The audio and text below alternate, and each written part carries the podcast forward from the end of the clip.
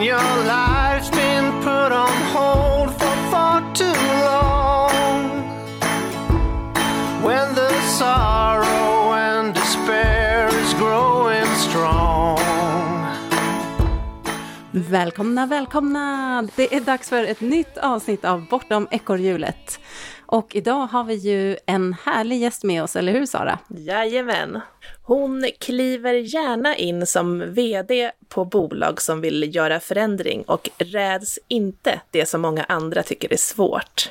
Med avkastning från investerade pengar så bygger hon om, köper fäbodar och förverkligar byggdrömmar. Hon avdramatiserade det mesta och fick igång Saras intresse för privatekonomi med citatet “Jag älskar pengar”. Och det är som att hon är en livslevande version av Pippi Långstrump som sa “Det här har jag aldrig provat förut, så det kan jag säkert”. Mia Lekberg, välkommen till podden Bortom ekorrhjulet. Wow, vilken intro! Ah, tackar för Kul att ha dig här. Här blir man ju så nyfiken på att höra mer. Du och Sara träffades ju när du var hennes chef på ett företag som jobbade med omvärldsanalys och mediebevakning. Men för oss som inte vet något alls om dig, berätta, vem är Mia Lekberg? Oj, alltså den där frågan hade man behövt förbereda. Vem är jag? Ja, alltså jag är väl en, en ganska vanlig person, tänker jag. Brukar säga, tänker ganska lite, eh, gör saker istället och eh, ja, bara kör helt enkelt. Hur svårt kan det vara? Ja, det är väl liksom den, den korta varianten. Ja, och, och privatmässigt sådär så har jag ju familj, två stora barn nu, 17 och 20 år, vilket också gör att livet blir igen ganska spännande för helt plötsligt så är man ju inte behövd utan man kan ägna ganska mycket tid åt sig själv igen. Eh, så jag är inne i en ganska spännande ny fas eh, tycker jag själv och ser fram emot att se vad, vad det tar mig. Vad spännande. Hur, eh, hur känns det så här långt? Hur tar du dig an det?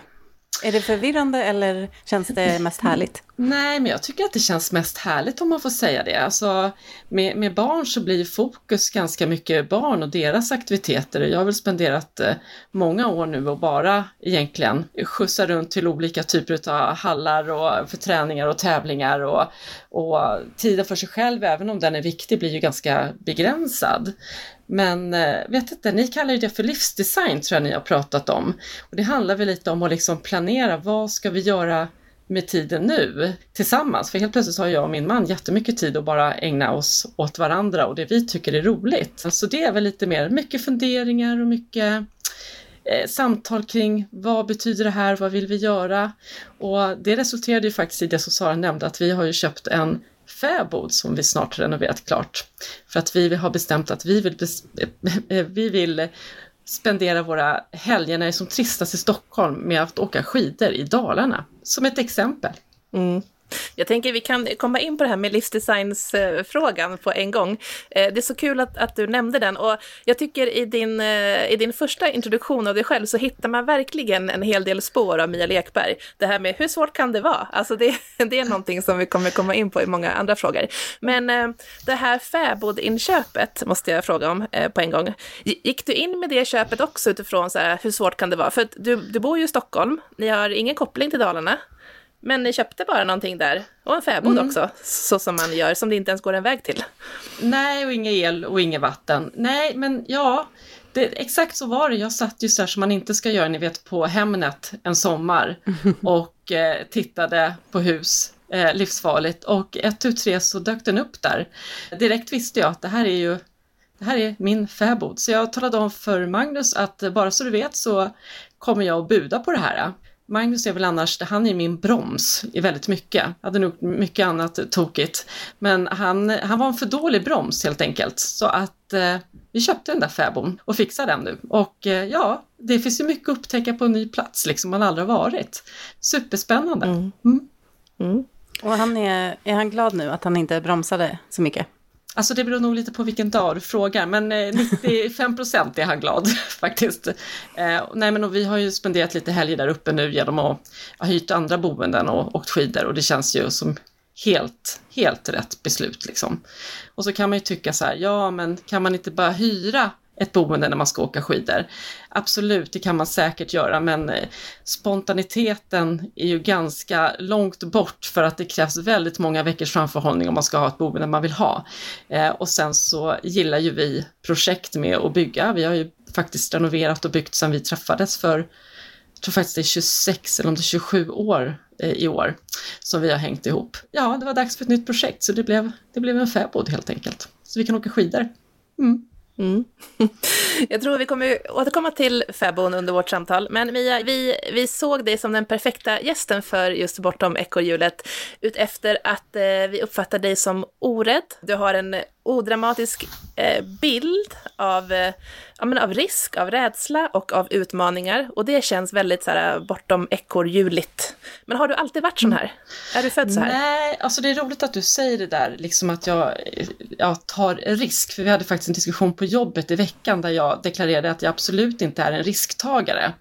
Bara min chef sa, men du är ju här. Du måste vara en risktagare. För vi, det är ett uppstartsbolag och ni vet, det, det är ju alltid upp och ner när man jobbar i uppstartsbolag och risker, för har man jobbet kvar nästa vecka eller inte. På så sätt så är jag ju en risktagare. Men men där tror jag vi kan kroka i lite sen faktiskt det här med ekonomi och sparande. Jag, ja, men som du vet när vi träffades, jag vet inte hur många hundra år sedan det är Sara, när jag sa att nej, men jag älskar pengar. Och då kan ju folk fråga, men vad ska du ha pengar till? Nej men det är en trygghet. Så i den aspekten skulle jag säga att jag inte är en risktagare. Medan andra saker i livet så är det liksom bara att köra på. Det kan ju inte gå fel egentligen. Och är det någonting som man upptäcker liksom efter vägens gång att nej men det här blev inte som jag hade tänkt men då får man ju göra om. Alltså man kan ju byta spår. Mottot lite så här, nej men, nej men nu blev det fel, men är det någon som dör? Nej, nej men då var det väl inte hela världen då. Och har man det i bakhuvudet hela tiden att det skadar ingenting annat det jag gör, då är det bara att köra. Mm. Tror du att pengar kanske är, är det någonting som får dig att bli mer riskvillig i andra aspekter? För att du känner att du har den tryggheten? Nej men så kan det vara och, och man kan ju också diskutera, det är inte så att vi sitter med liksom obegränsade med pengar, absolut inte. Men jag tror liksom om man pratar om ekonomisk eh, frihet så kan ju det också handla om att man har en inkomstförsäkring. Eh, vilket gör mm. att man klarar sig x antal månader utan ett jobb innan man hittar ett nytt jobb. Så det finns ju andra, andra sätt att också trygga upp sin, eh, ja, men sitt liv och liksom sin vad ska jag säga, mentala välbefinnande om saker och ting går åt skogen. Det känns som att många, framförallt kvinnor, eh, fattar beslut utifrån rädsla snarare än eh, ja, men en mod eller liksom nyfikenheten på mod eller vad som faktiskt kan hända. Varför tror du att det är så att, att, vi, att vi gärna liksom fattar beslut utifrån rädsla? Eh, jag, jag vet inte, för det verkar så tråkigt. Eh, att och göra det. Nej, jag vet inte om det är kanske ett sätt som vi är uppfostrade på. Och kanske inte bara kvinnor utan faktiskt även män generellt skulle jag säga. Eh, det vi ser är ju oftast de som sticker ut åt andra hållet, det vill säga de som ja, de, de som fattar de där besluten som andra kanske inte vågar eller gör det där som andra inte törs. Elon och maskarna. Ja, men, ja, men precis. ja. Men det kan ju också vara de som bestämmer sig för att åka iväg och, och, och surfa ja, men i Costa Rica och sen så får man se vad som händer och på något vis så lyckas de få in pengar för att ta lite ströjobb eller, eller vad det kan vara. Men det är också en viss typ av person som har det modet och tar det steget och släpper taget. Och det tror jag liksom ligger i kanske i våran ja, lite svenska liksom, kultur. Att ja, men det ska vara lite, vi ska gneta på, det ska vara jobbigt, man ska jobba 8 till 5 punkt. Det ska inte vara så jävla roligt här inte liksom. Nej, det får man ha på fredag kväll och kanske lördag och sen ska man ladda om på söndagen. Tror det sitter väldigt liksom, djupt rotat. Det är en sån underbar mix av Jante och Luther. Exakt. Piskar ja. oss på ryggen. Nej, men jag, och jag tror att det är så. Eh, och det kommer vi nog se många generationer till, även om man ser att de yngre nu börjar liksom komma in med andra värderingsgrunder, men det har man också hört. Jag menar, sen man själv gick ut på arbetsmarknaden så pratar man om jag vet, generation X och allt vad saker och ting heter, men, men likväl så verkar ju folk och liksom formas in sen i den här mallen ändå. Det sker inte så mycket förändringar med de nya generationerna i alla fall, så vi får väl se om de här som kommer ut nu som är födda på 2000-talet kan göra en förändring mm. eller om de ställer sig i mm. ledet. Ja. Vad kan de ställa till med? Det ska bli kul att se. Det ska bli jättekul att se. Ja. Jag tänker att mycket handlar kanske om att man, eh, när du Sara pratade om kvinnor och, och rädsla och och sådär. Men det kanske handlar om konsekvenstänk och att, att man liksom tänker i flera steg. Och då kan det ju vara svårt att komma igång med någonting. För om man liksom har byggt upp en ganska omfattande bild av vad det skulle kunna leda till. Eller det här kanske händer eller det här. Och därför blir jag lite nyfiken. Tänker du mycket på steg 3, 4, 5 när du kommer på en idé? Eller är det bara det första? Nej, men det är nog väldigt mycket magkänsla. Alltså känns det bra? Jag brukar säga så här, liksom, fick en fråga en gång, vd på ett stort bolag, vad får dig gå till jobbet? Jag bara, nej men alltså jag går inte till jobbet. Jag gör tjolahoppsa-steg till jobbet eller så dyker jag inte upp. Det är mina två lägen liksom. Ja, ja, på. ja men lite så faktiskt. Det ska liksom vara lustfyllt och, och, och roligt och utmanande liksom. Då, då tycker jag. Så att, men, men sen är det ju liksom också så att alltså som väldigt ung så satte jag ju ändå upp alltså det man kallar för mål, men också man kanske ska säga mer riktning, liksom vart jag, vart jag vill, vad jag liksom ska någonstans. Och den riktningen kan ju sen ändra sig, men då har man liksom någons, någonting att jobba mot. Och det tror jag också liksom har varit en, en drivkraft, men också det här att släppa på rädslorna. Eh, och det skulle jag också säga, det är en träningsfråga, för ju fler gånger du liksom utsätter dig själv och kliver in i en rädsla, ju lättare blir det det är skittufft första gångerna men liksom, till slut så liksom blir den tröskeln ganska låg och det, det, blir lättare. Men sen så funderar jag på när du sa att det här med konsekvenstänk, att det kanske snarare är så att folk tänker för lite. För varför ska konsekvenstänk alltid leda till någonting som är sämre? Ett konsekvensbegrepp har ju också liksom en väg där saker och ting blir bättre. Men det är nästan också lättare att ta den här vägen åt det där allt skiter sig, än att liksom se att det kommer gå bra. Det här med att um, tänka så här, men vad är det värsta som kan hända? Är det mm. något som du tänker när du går in, in i nya jobb och uppdrag? För du har jobbat uh, i lite olika ledande poster, nu är du på uppstartsbolag, mm. du har varit lite vd, uh, du har varit lite vd mm. säger jag, men du har varit lite, på lite olika ja. vd-roller sådär så som man är, ja. höll upp ja. skämt, skämt, uh, till alla lyssnare. hur liksom går du in i det? För jag tänker att det blir mycket ansvar och, och liksom, det är oftast olika mål som ska uppnås som är svåra mm. och sådär. Hur, hur, tänker du inför sådana utmaningar? Nej, men jag tänker nog, vad är det värsta som kan hända? Är jag inte rätt person, men då får jag ju lyfta på hatten och säga tack för mig. Alltså istället för att gå dit och eller inte gå dit, det är bara, men det är bara att köra. Vad fasen, vad kan gå fel? Och är det någon som anställer en, då har väl de också gjort en bedömning att man klarar jobbet. Man är ju liksom mm. två personer och, och här kanske det skiljer sig lite om vi ska raljera kvinnligt och manligt, men, men som kvinna så ofta så sitter man ju inte och säger att man kan saker man inte kan. Och där man är, bland män är lite duktigare på att framhäva liksom att de är duktiga på saker som de kanske inte kan, de tänker det lär jag mig. Så där får man nog bara landa i sig själv och att man känner sig trygg med, med sin kunskap. Men det, men det handlar ju också om att utmana sig själv och, och tro att man kan saker.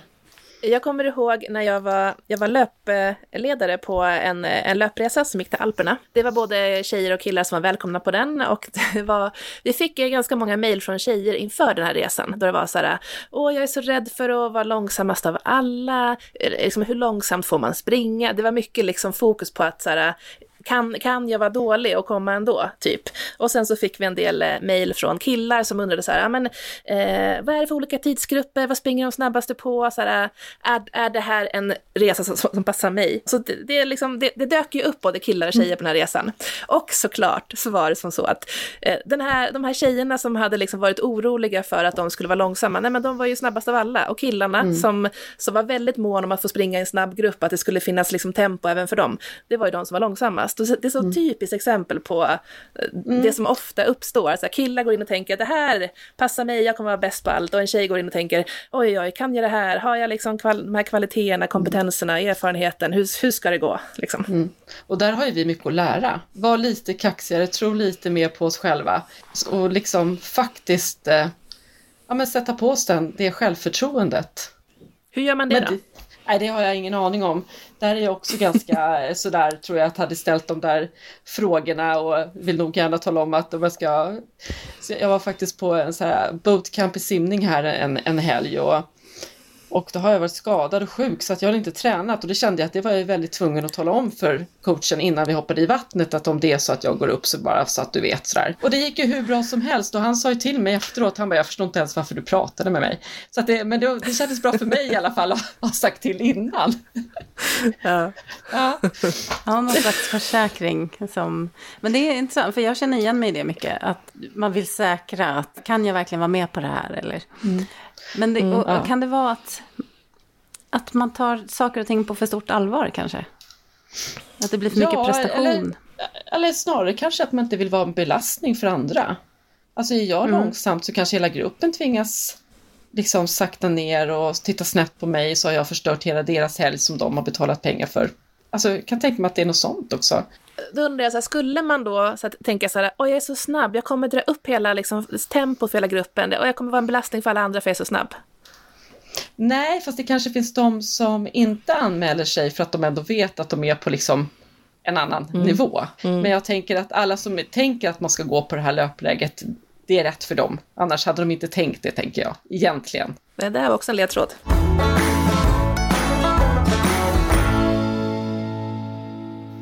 Du Mia, jag skulle vilja fråga dig, för att eh, utifrån din roll som VD eller ja, alla de här olika rollerna som du har haft, för att du är ju du är väldigt duktig på att avdramatisera saker, på att tänka så här, men hur svårt kan det vara, etc.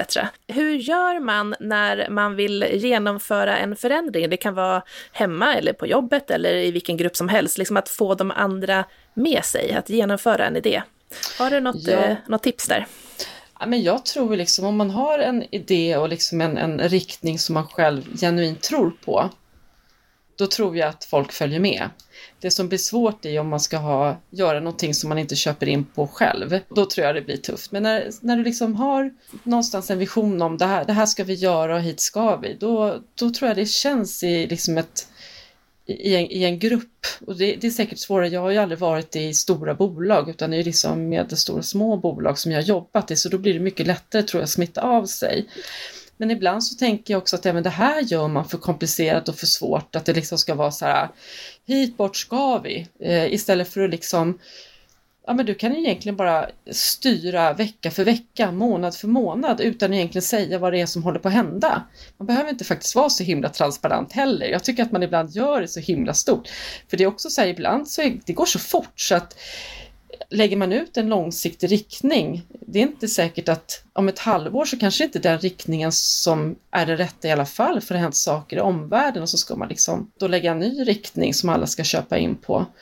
Så att jag tror att man ibland också gör det för svårt. Jag tror man ska tro på det, på det man ska göra, det man ska genomföra och förändringen som ska ske och så, och så gör man det utan att göra en stor grej av det. Det är säkert liksom om du sitter i en stor koncern med så här tusen anställda så kanske man får tänka annorlunda men för det, det är så många mellanchefer och chefer som ska köpa in på det men där jag har varit har jag liksom aldrig, aldrig sett det svårt utan förklara vad man ska göra och sen så, så gör man det bara. Det är intressant med förändring för att vi, vi är ju ganska olika kring hur vi hanterar och, och tar till oss det som människor. Och det, det du sa där om att ja, det kanske ser annorlunda ut om ett halvår så vi måste förändra den här riktningen. Det tyder ju på att man är ganska öppen hela tiden, adaptiv för att lägga om rutten så att säga. Men alla är ju inte det. Och då undrar jag, hur, vad ser du för mekanismer, vilka låsningar kan du se hos människor då som, som du till exempel jobbar med? Eller jag tänker att du har stött på lite olika sätt att möta förändring. Och, Ja. och hur har du sett att de går att låsa upp? Ja, alltså i, ibland så kan det ju vara så, precis som du säger att vissa människor behöver ju extremt mycket kanske struktur. Eh, det kan vara allt ifrån liksom extremt tydliga ramar i sitt, eh, i sitt arbete och en extremt tydlig agenda inför varje möte när information ska ges. Och de behöver liksom nånt, någonting annat eh, än vad kanske eh, de andra, och nu pratar jag utifrån att jag har haft ganska, jag har inte haft några jättegrupper utan vi kanske pratar om så här, när jag och Sara jobbade ihop, vi, kanske var 40 personer med olika avdelningar och, och det är egentligen det största, sen har jag jobbat kanske när det är 25 personer, det blir väldigt enkelt. Jag tror att man liksom, då får man försöka att hjälpa de personerna såklart med, med det de behöver. Men eh, rent krasst så kan man säga så här, jag är inte den bästa chefen för den typen av person. Det är nog liksom den krassa sanningen. Eh, Jag behöver nog liksom den typen av personer som jobbar med ramar men som är ganska liksom också självgående och självstyrande. Det, det är det som passar mitt ledarskap allra bäst. Men absolut mm. så, så dyker det upp den här typen av personer. Då får man liksom försöka och också kompromissa och kanske vara öppen också med vilken typ av, av ledare och, och chef som jag är. Så att man inte heller försöker skapa någonting som också lite gör våld på mig. Det blir liksom inte bra. För att det är svårt att hålla det kanske hela vägen ut också. För det, är inte, det ligger inte i min person. Men har du kunnat se några mönster kring vad som får oss att hålla tillbaks i förändringar? Till exempel alltså, mm. om det är vissa rädslor eller? Mm. Ja, men alltså det, det, där är ju folk, jag skulle säga så att det kanske inte är att man håller sig tillbaka, men det tar olika tid att se förändringen och liksom kanske också olika, jag brukar säga, så, jag brukar säga att man har olika tempon jag har ett ganska snabbt tempo, min minut är ungefär ganska exakt 38 sekunder. Det finns andra vars minut kanske är 75 sekunder, 80 sekunder. Det jag har fått lära mig det är ju att vänta in så allas minut har gått. Jag vet att min minut är jättesnabb och det gäller ju också i förändring. Jag kan liksom ta till mig direkt, det här måste vi göra, det här ska vi göra. Men för andra personer så tar det ibland längre tid att komma till att det ska liksom, ja men det här vill jag vara med på, det här vill jag göra och det här måste vi göra. Och då får man liksom ge det tiden ut tills det har landat hos alla. Ja. Du Mia, har du och din man Magnus samma tempo? Nej, vi har jätteolika tempon. hur, hur gör man då? För jag tänker så här, förändring utifrån när man är liksom en familj eller i en relation. Mm. Hur gör man då liksom för att sälja in en idé? Till exempel en önskan om att eh, köpa en fäbod och lägga mycket tid och pengar på att renovera om ja. den eller något annat stort. Alltså just fäbod var ju inte förhandlingsbart. men andra saker i livet har ju varit förhandlingsbara liksom. Men, nej, men jag tror ju också att det är, alltså både privat men även jobbmässigt så är det ju det som gör oss bättre. Att bara vara med människor som är exakt likadana som mig själv. Det skulle, det skulle bli kaos om vi var två som var som jag. Utan det här är ju en balans. Det, det som man får liksom träna på är ju tålamodet. Eh, och liksom förståelsen för att man, att man har olika uppgifter liksom i, i ett förhållande eller i ett företag. Och det, det liksom är viktigt. Eh, så jag, tror mer att det handlar om samma sak här, liksom att om jag bestämmer mig för att köra på så behöver jag ju också vänta in och så att vi båda har ett konsensus i vad vi ska göra. Och ibland så blir inte saker av, för det är så här, jag kan ju inte bestämma. Eh, det är ju så. I ett förhållande så är man ju liksom fler, i det här två vuxna liksom som ska vara överens om vad som ska hända. Så att det mm. där är väl kompromiss. Och det är ju faktiskt skillnaden till ett bolag brukar säga att, att vara, alltså ett bolag, att vara på en arbetsplats, det är inte en demokrati. Det är ju någonting vi försöker inbilla oss att, att det är. Det är inte en demokrati. Det finns någon som bestämmer vad som ska hända och sen så köper man in på det eller så köper man inte in på det och köper man inte in då får man söka sig ett nytt jobb. Det skulle jag säga är den stora skillnaden på ett förhållande och ett bolag.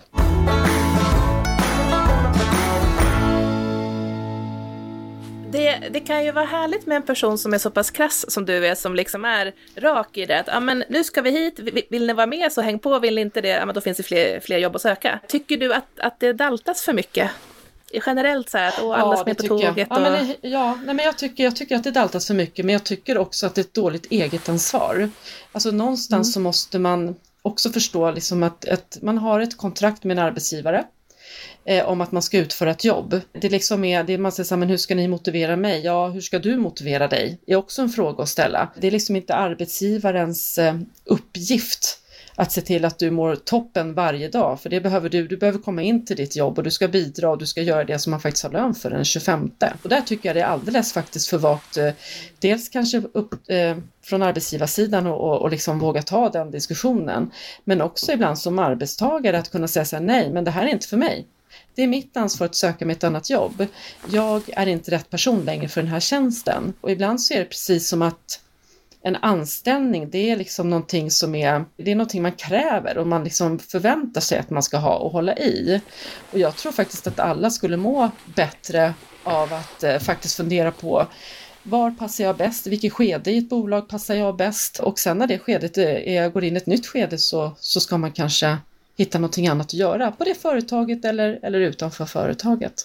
Det är mycket det här med självledarskap som vi har pratat om tidigare i podden. Mm. Att förstå sig själv och att göra liksom, de medvetna valen för att må bra. Och, Mm. och sen är det såklart, det är ju inte alltid det finns eh, oändliga möjligheter att, att byta jobb och sådär. Men det är nog viktigt att ha med sig. Att reflektera över, Ja, trivs jag i eh, min roll och är det här rätt för mig? Och är jag mitt bästa jag? Ja, eller liksom precis att i alla fall gå till, till sin arbetsplats och vara sitt bästa jag. Jag menar, de gjorde ju någon undersökning, kan det vara två år sedan, när man kom fram till att 15 procent på en arbetsplats alltså aktivt motarbetar sin arbetsgivare. Alltså aktivt motarbetar sin arbetsgivare. Och de kommer aldrig lyfta ett finger för att ta sig därifrån. Och det tycker jag är en sån här, eh, okej, eh, varför vill man göra så mot sig själv? Trivs man inte och inte kan byta så måste man liksom ändå ha en inställning som gör att man, att man hamnar rätt. Och jag tror att det är mycket en inställningsfråga faktiskt, hur man trivs på arbetet eller inte trivs. Det, det kan vara krasst och liksom hårt, men jag jobbar ju själv efter den devisen, det vill säga att när jag inte känner att jag bidrar längre eller trivs, nej men då vet jag att det är dags för mig att gå vidare. Eh, och jag vet också var i ett skede i ett bolag som min kompetens är bäst. Det har jag liksom förstått och, och lärt mig och vad jag tycker är roligast. Eh, och sen är det liksom dags för mig att lämna, helt, helt odramatiskt, så är det. Det här vill jag höra mer, för eh, det är ju inte alltid som jobbet är otroligt roligt varje dag, eh, varje sekund. Men eh, vad, har du någon slags inre checklista för dig själv att ja, men nu är det lite för lite roligt eller nu... Eh, hur, hur vet du när det är dags? Ja men det är Tjolahoppsa-stegen. Det är det? Det är, Mm. Ja, det är faktiskt det. Och det handlar inte om att man kanske liksom varje dag vaknar upp och skriker yes.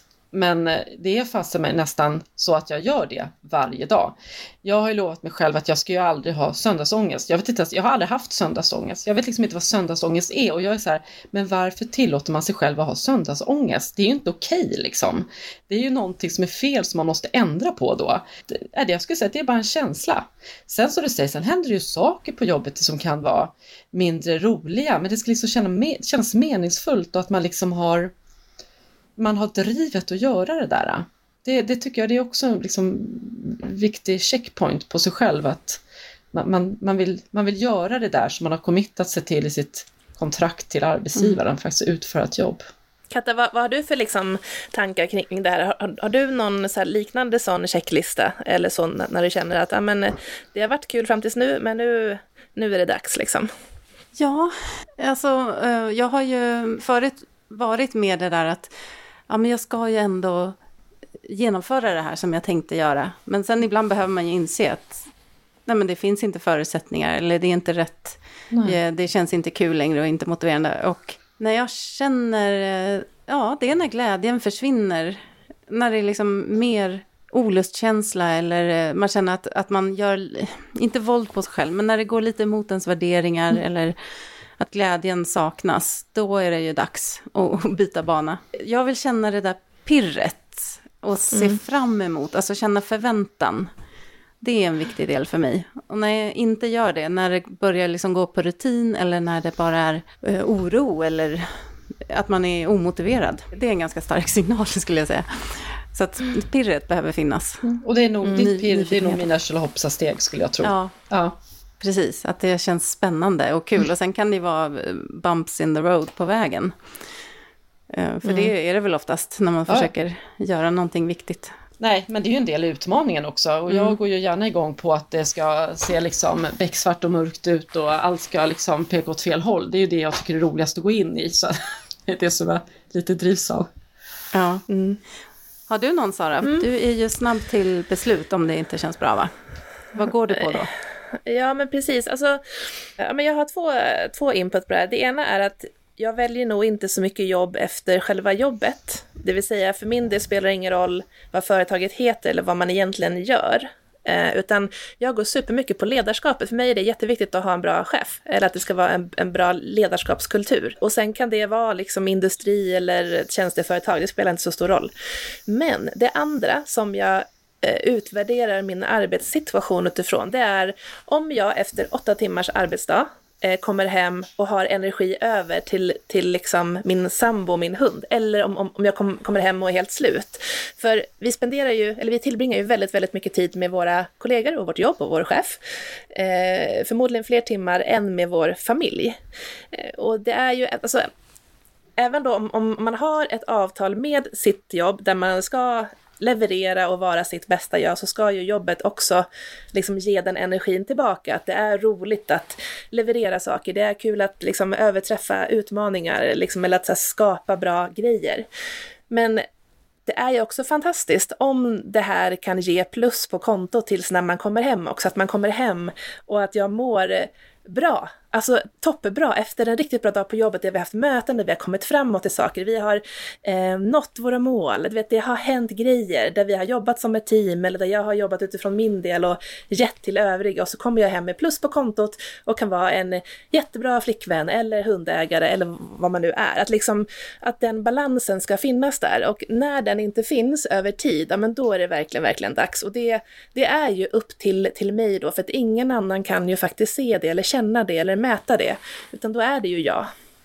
Eh, mm. Så att det, mm, det är min måttstock. Så överlag mycket eget ansvar i hur man mår i jobbsituationen, känns det som, ja. att vi har pratat om.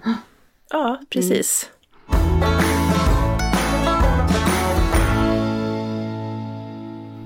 Mm. Mia, jag tänkte vi byter ämne, eh, nästan i alla fall. Ja. Eh, du har ju sagt det här att ja, men jag älskar pengar. Berätta, varför? Men jag tror att det kommer lite, ja, men där vi började egentligen det här med, med en trygghet. Eh, faktiskt. Eh, att någonstans så, kommer inte jag ihåg, men kommer ihåg, det var en politiker som många, många år sedan som sa det här att alla borde ha en årslön undanstoppat. Jag kommer inte ihåg nu vem, vem det var en kvinna och hon fick så mycket skit för det. Men det var ligger det Bush, liksom... Eller? Nej, nej, nej, det här är, det, det här är way back. Det här måste vara innan ja. Ja 90-talet tror jag, tror jag det var faktiskt. Ann Wibble kanske? Ann, ja, men Ann Wibble var det, men det stämmer nog.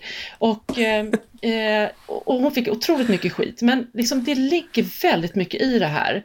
Och det är samma sak som Göran Persson sa väl att den som är i skuld är icke fri. Eller någonting sånt.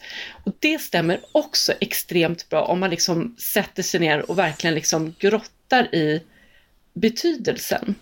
Eh, och jag tror ju någonstans där så började vi ganska tidigt, jag och Magnus, att spara i fonder, inte mycket pengar. Men och ganska snabbt så hade vi turen att se den här eh, ränta på ränta-effekten som man pratar om. Vilket gjorde att jag såg, men shit, alltså man behöver inte ens göra något, det blir mer pengar av pengar. Så det var nog när jag liksom, den insikten hade ramlat ner som jag tänkte så här, ah, det här är ju fan, det är ju roligt, pengar är ju kul, jag behöver inte, jag behöver inte kunna något, jag behöver inte göra något. Det bara dras från kontot och sen så blir det mer pengar över tid. Eh, ja, mm. så det, det är väl liksom själva kärnan. Ja. Eh, berätta för de som inte vet, vad är ränta på ränta-effekten? Ja, men till exempel om man kan undvara ett par hundralappar i månaden eh, och sen så lägger man in då den utvecklingen som man kanske har på börsen eller i fonder. Jag ska säga att jag kör ju bara fonder, du kör ju också aktier sa de, men jag har ju faktiskt bara fonder. Det är minst jobb och minst risk eh, har jag bedömt. Sover gott om nätterna. Nej men på något vis så, så, över tid så kommer du ha en avkastning på de där pengarna du sätter över, vilket gör att eh, när du till slut har satt undan 10 000 så kan det faktiskt vara så att det sitter 13 000 på kontot för du har haft en effekt, en ränteeffekt på dina pengar som gör att de har stigit i värde. Eh, och det där kan man ju laborera med och börsen går ju upp och går ju ner som, som vi som håller på vet, men över tid så har det i stort sett gått upp. Så har man lite is i magen och sparar över tid så, så har man ju ett nettkapital där efter 15-20 år och då är det många som tänker 20 år? Vad fasen, jag är 25 eller 30, jag har inte tid att vänta i 20 år. Nej, men sätt av lite pengar i någon annan fond då, som du kan använda tidigare så att du har liksom ett sparande där. Men, men det är jävligt gott efter 20 år att titta på det där kontoutdraget och inse att eh, det sitter liksom en miljon på kontot för att man har varit ihärdig, inte rört pengarna och faktiskt bara haft ett autogiro, eller vet du, automatiskt drag liksom till en, till en fond. Skitenkelt.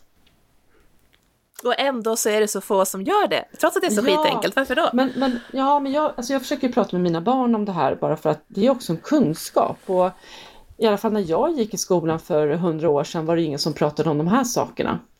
Eh, det här är liksom en, en jätte, jätteviktig sak och speciellt nu när man börjar prata om kanske pensionspengarna blir, blir mindre när man går i pension så är det väl superviktigt att, att sätta undan pengar så att man kan ha lite guldkant på tillvaron när man liksom går i pension eller man kanske tvingas gå tidigare i pension av olika skäl, att man då faktiskt har en, en bra buffert och, och, och göra saker. Men sen är det så här, jag menar vi har ju haft massa skoj med de här pengarna under tiden bara på avkastning. Vi har varit på safari i Afrika, vi har varit i Costa Rica, vi har byggt en övervåning på vårt hus, vi hade en eh, insats till en bil. Alltså det liksom går ju, det går ju liksom att använda lite av de här pengarna hela tiden också, bara man, bara man har koll på vad det är man håller på med så man inte nollar det där kontot för då är det väldigt trist. Liksom. Men, eh, nej, men jag tycker att det är jättesorgligt att eh, vi inte pratar mer om det och att det inte faktiskt är så att det lärs ut redan i tidig ålder i skolan.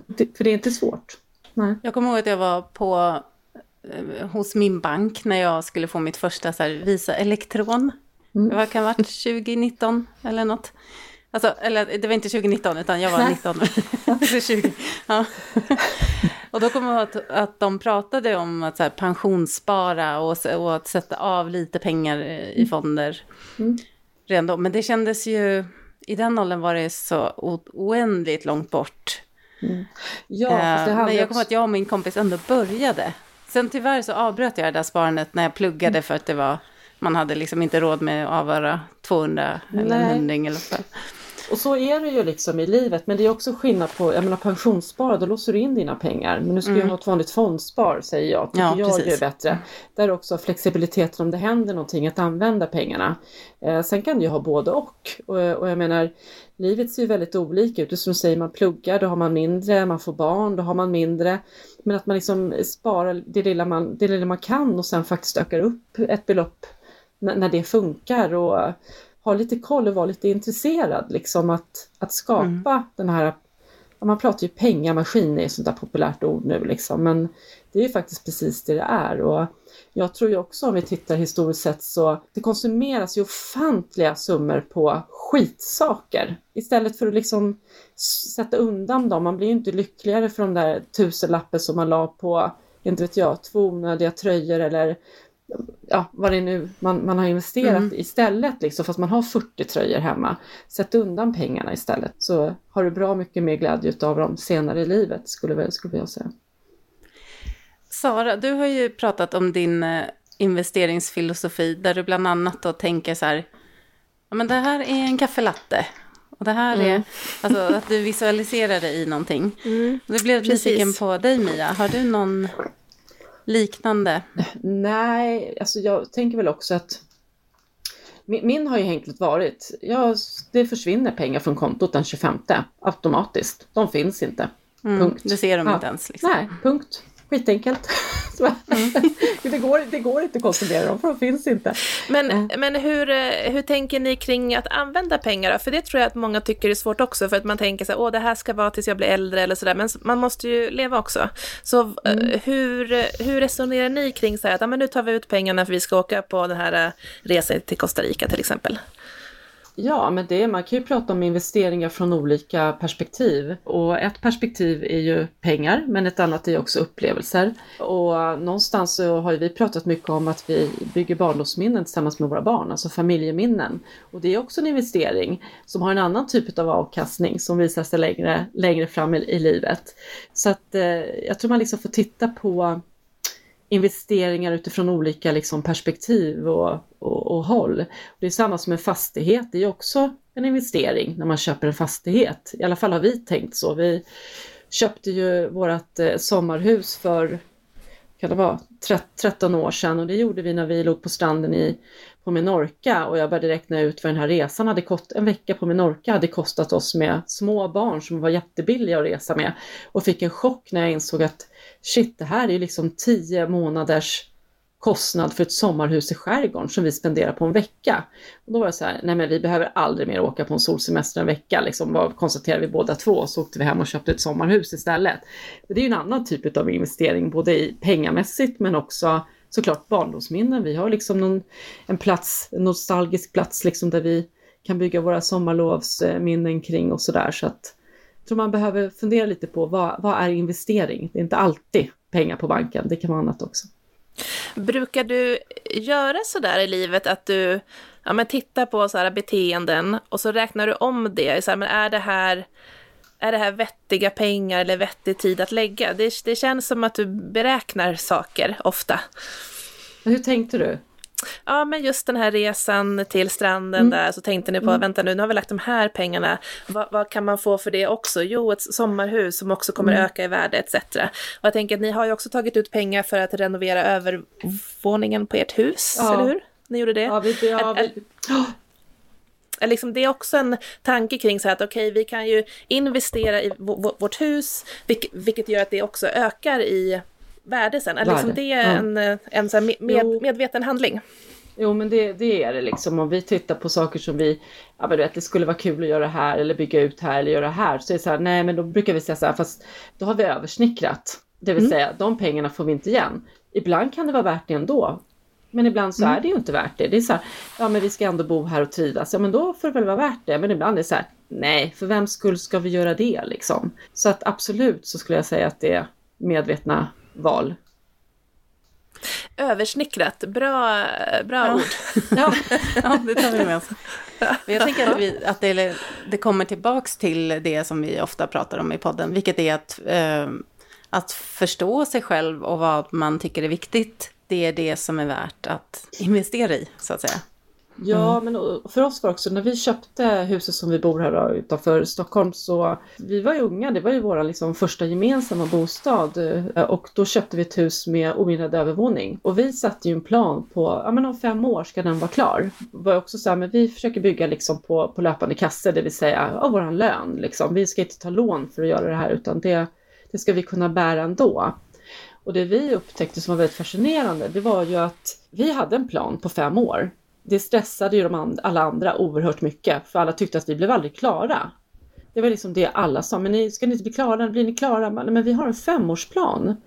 Och eh, saken var den att vi var klara efter fem år. Eh, och vi tog också in lite hjälp när vi behövde hjälp. Väldigt mycket gjorde vi själva. Men då var det också så intressant och det där har jag också burit med mig. Vi byggde ju huset 2000 två så flyttade jag in i augusti, så fem år framåt där. Men du vet, jag burit med hela tiden att nej, men det är alla andra som stressar över vad man gör och vad man inte gör. Och det måste man också ta med, att inte dras med i någon form av mm. så här hysteri för att andra gör eller förväntar sig att man ska göra. Vilket ju har eskalerat de senaste åren. Eller om man tänker med sociala medier och sånt Absolut. som inte fanns. Det gäller att vara medveten om det. Hur det inflödet ser ut. Ja, och hur det påverkar den. Mm. Påverkar mm. det de besluten jag tar eller liksom kan jag, kan jag fatta andra beslut och kan jag stå emot eller om jag inte kan, varför kan jag inte det? Jag tänker att en sån här tidsplan kan man ju verkligen applicera på all typ av förändring också. Mm. Så här, liksom om man vill ta sig mot sin livsdesignsdröm, om det nu kan vara att man vill eh, ägna sig åt hantverk på heltid eller det mm. kan ju vara ja, men allt, allting egentligen.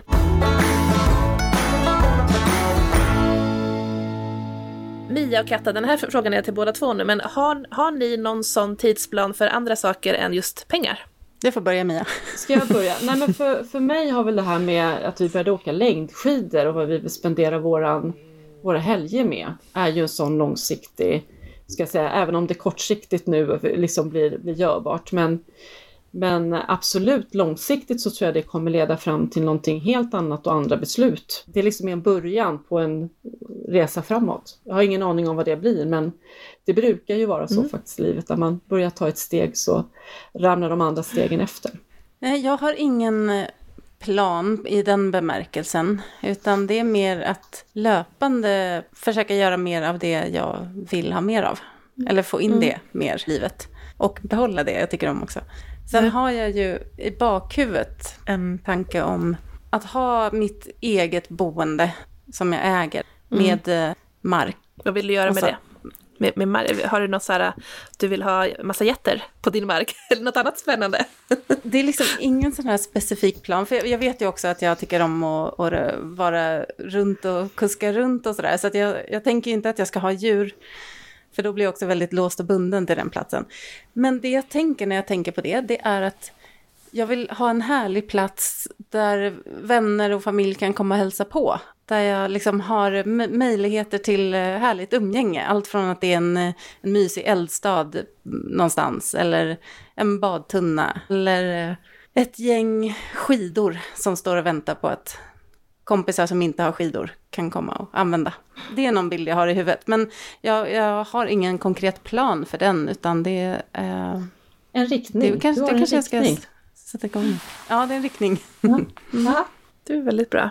Jag tänker mycket på Klara Lidström, underbara Klara, som gav sig själv ett hälsoår för några år sedan. Det var typ tre år sedan kanske. Eh, där hon liksom, ja men verkligen skulle lägga fokus på hälsan under ett helt år. För att ofta så är ju hälsan något man liksom tänker här, ja det här ska jag göra på fyra veckor nu.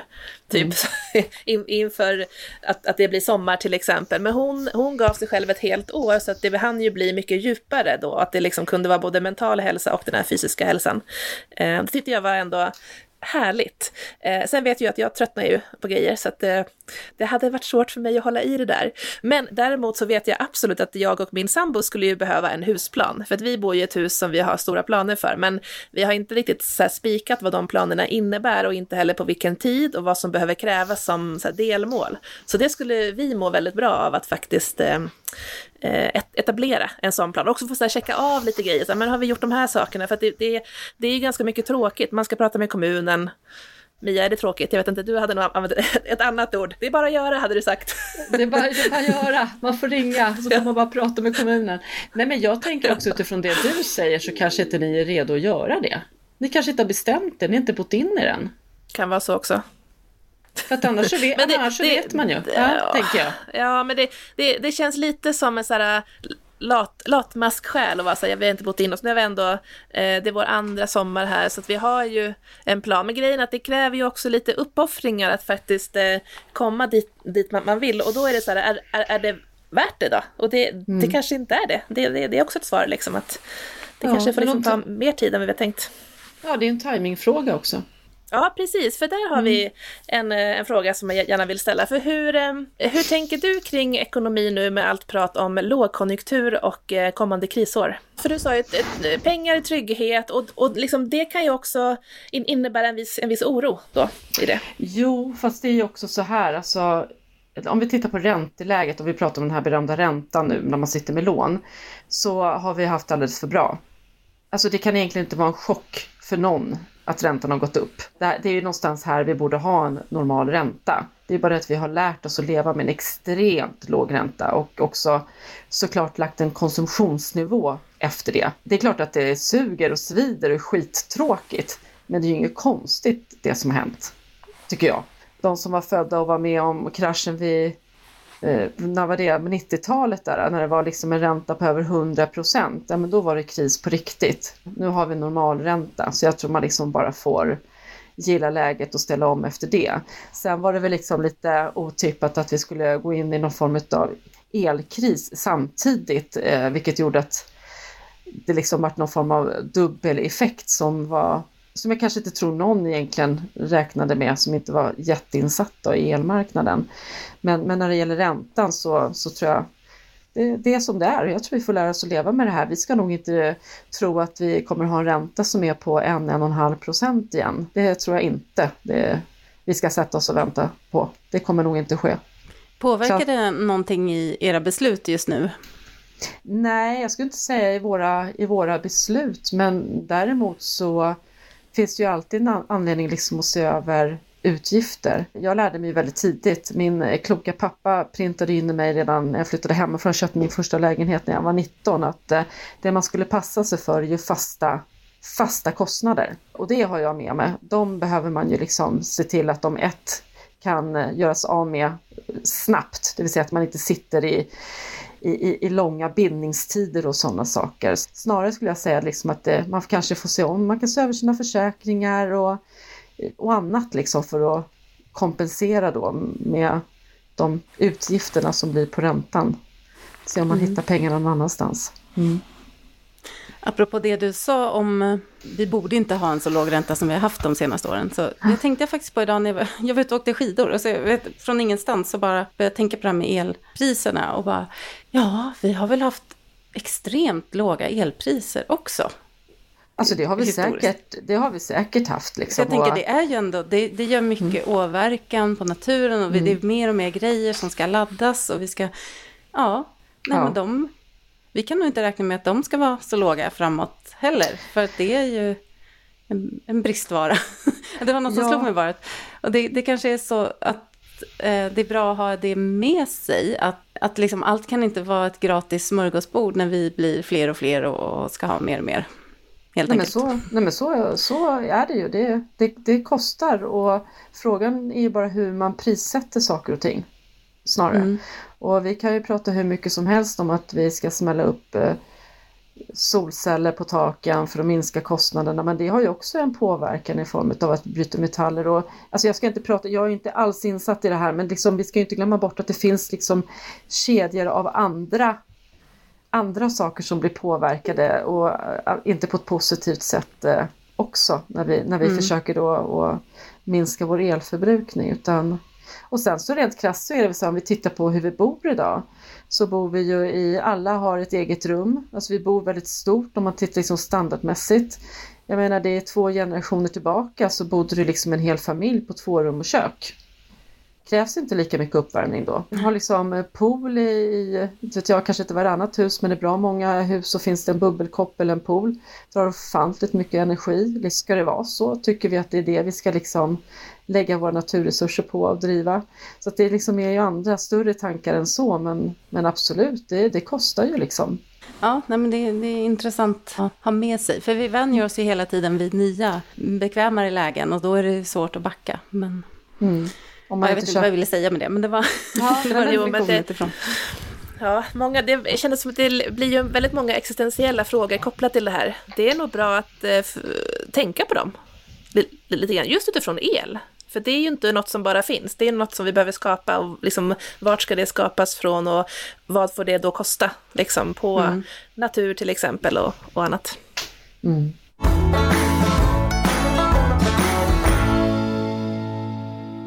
Det är ändå häftigt att, att, att vi liksom gick från att eh, prata pengar till att prata någon form av så här, eh, överlevnad. Och det känns som att ekonomi är lite grann så här, att först så kan man tro att ekonomi bara handlar liksom om sedlar och om bankkonton. Men ekonomi i sig är ju liksom varför allting snurrar och det handlar om eh, beslut och men just att liksom sätta värde på, på allt. Och mycket utifrån att så här, ja, men, eh, våra beteenden också. Eh, och Mia, jag tänker så här att om man, man lyssnar nu på det här samtalet, man kanske är en kvinna, man kanske är någonstans mellan 40 och 50 sig, och så tänker man så här, just ja, pengar ja, det är något som jag inte har lagt så mycket tid på, men det vill jag börja göra nu. Vad tycker du att man ska ta med sig? Så här, tre saker som man ska gå och göra genast just nu. Ja, skapa Eller ett, eh, snart, efter det här. Snart, ja nej men genast faktiskt tycker jag. Nej men Ja. faktiskt öppna ett månadsspar. Man ska liksom, och där, där kan man antingen välja att prata med sin bank eller man får titta på någon av nischbankerna som också finns som man liksom lätt kan liksom skapa ett ISK-konto på eller bara ett fondkonto. Bara, bara gör det, lägg inte så mycket analys och tro att du liksom ska vara smartare än alla andra. Gör det bara och sen lär dig efterhand och ändra efterhand om det är så att du känner att nej men jag borde ha fattat det här beslutet istället, valt den här fonden eller den här banken. Gör det sen, börja med att bara starta det här månadssparandet. Det tycker jag är, är liksom nummer, nummer ett att göra. Nummer två är väl lite som vi pratade om, kanske se, om, se över konsumtionen. Jag lovar att det kommer inte ens vara svårt, för många kommer säga så här, nej men jag kan inte sätta undan pengar. Jag lovar att det finns hos väldigt många i alla fall ett utrymme om man tar bort någonting annat som man faktiskt inte behöver att stoppa undan de där pengarna. Jag tror också att speciellt som kvinna så är det viktigt att man att man har ett eget sparande och en liksom egen, ett eget konto med pengar på. Du sa tre saker. Har jag sagt två nu eller har jag sagt en bara? Mm. Nej, men du sa två. Nej, två va? Spara också, titta på vad du kan dra ner på. Ja. Nej men jag tycker faktiskt Ja. det, det är gott nog. Det behöver inte vara ens tre saker Mm. utan månadsspar, öppna nu. Mm. Mm. Är det Mm. 200 kronor så är det bättre än noll. Mm. Mycket bra. Katta, jag tänkte lämna över frågan till dig också, men du får lite betänketid. Jag tänkte nämligen hoppa in med ett tips som jag har, och det här är väldigt kortsiktiga pengar. Men du har förmodligen mycket saker hemma som du inte använder. Och någonting som jag verkligen älskar, det är att sälja saker. Alltså det är så tillfredsställande. Så att eh, jag säljer gärna kläder som jag inte använder, eller prylar. Och sen använder jag de pengarna för att investera på just börsen. Men man kan ju stoppa in de pengarna på ett sparkonto också. Eh, men det är ett ganska kul sätt att faktiskt eh, skapa pengar på, tycker jag. Så att eh, det blev jag peppad på att eh, göra efter det här. Det ska jag Mm. göra. Katta, hann du komma på någonting som du vill göra efteråt? Ett tips. Jaha. Ja, precis. Ja, alltså jag, jag månadssparar ju redan. Det, det tänker jag fortsätta med. Jag, jag skulle vilja sk- skicka med, och det som jag också ska tänka över framåt efter det här samtalet, det handlar ju mycket om det där, men att se över igen. Vad är viktigast för mig? För jag tror att jag lägger pengar på saker som egentligen kanske inte är så nödvändiga. Så att, att gå tillbaka igen och bara, vad är det som jag verkligen värdesätter? För det är ju värt att lägga pengar på. Och i övrigt så kan jag då spara in de slantarna och sätta dem på min eh, fondrobot istället. Precis. Otroligt. Så jag tycker att du som lyssnar på det här, stäng av podden alldeles strax och skriv ner. Vad blir du inspirerad att göra för att eh, ta lite kontroll på din egna ekonomi? Och det kan handla om då insättningar eller om utgifter eller om andra actions som gör dig lite ekonomiskt smartare helt enkelt. Och med det Mia så säger vi stort tack för att du ville vara med och prata både jobb och pengar. Ja, men tack för att Och jag livet. fick vara med och hänga med. Och livet! Ja, så himla Ja. spännande och inspirerande. Ja, tycker Ja, jag. det var jättekul att du var med. Och vi ska säga tack till någon mer, Sara. Vi ska säga tack till Sven Karlsson och Epidemic Sound för musiken. Och om det här avsnittet väckte några tankar hos dig som lyssnar så gå med eller gå in i gruppen på Facebook Bortom ekorrhjulet När, Var, Hur och dela med dig. Gruppen lever, frodas och det händer så otroligt mycket där. Många frågor och frågeställningar att vara delaktig i. Det är kul. Mm, missa inte det. Då så, men då säger vi tack för den här gången. Ha det så jättebra, så hörs vi igen om två veckor. Hej då! Hej då! Hej. When the road is long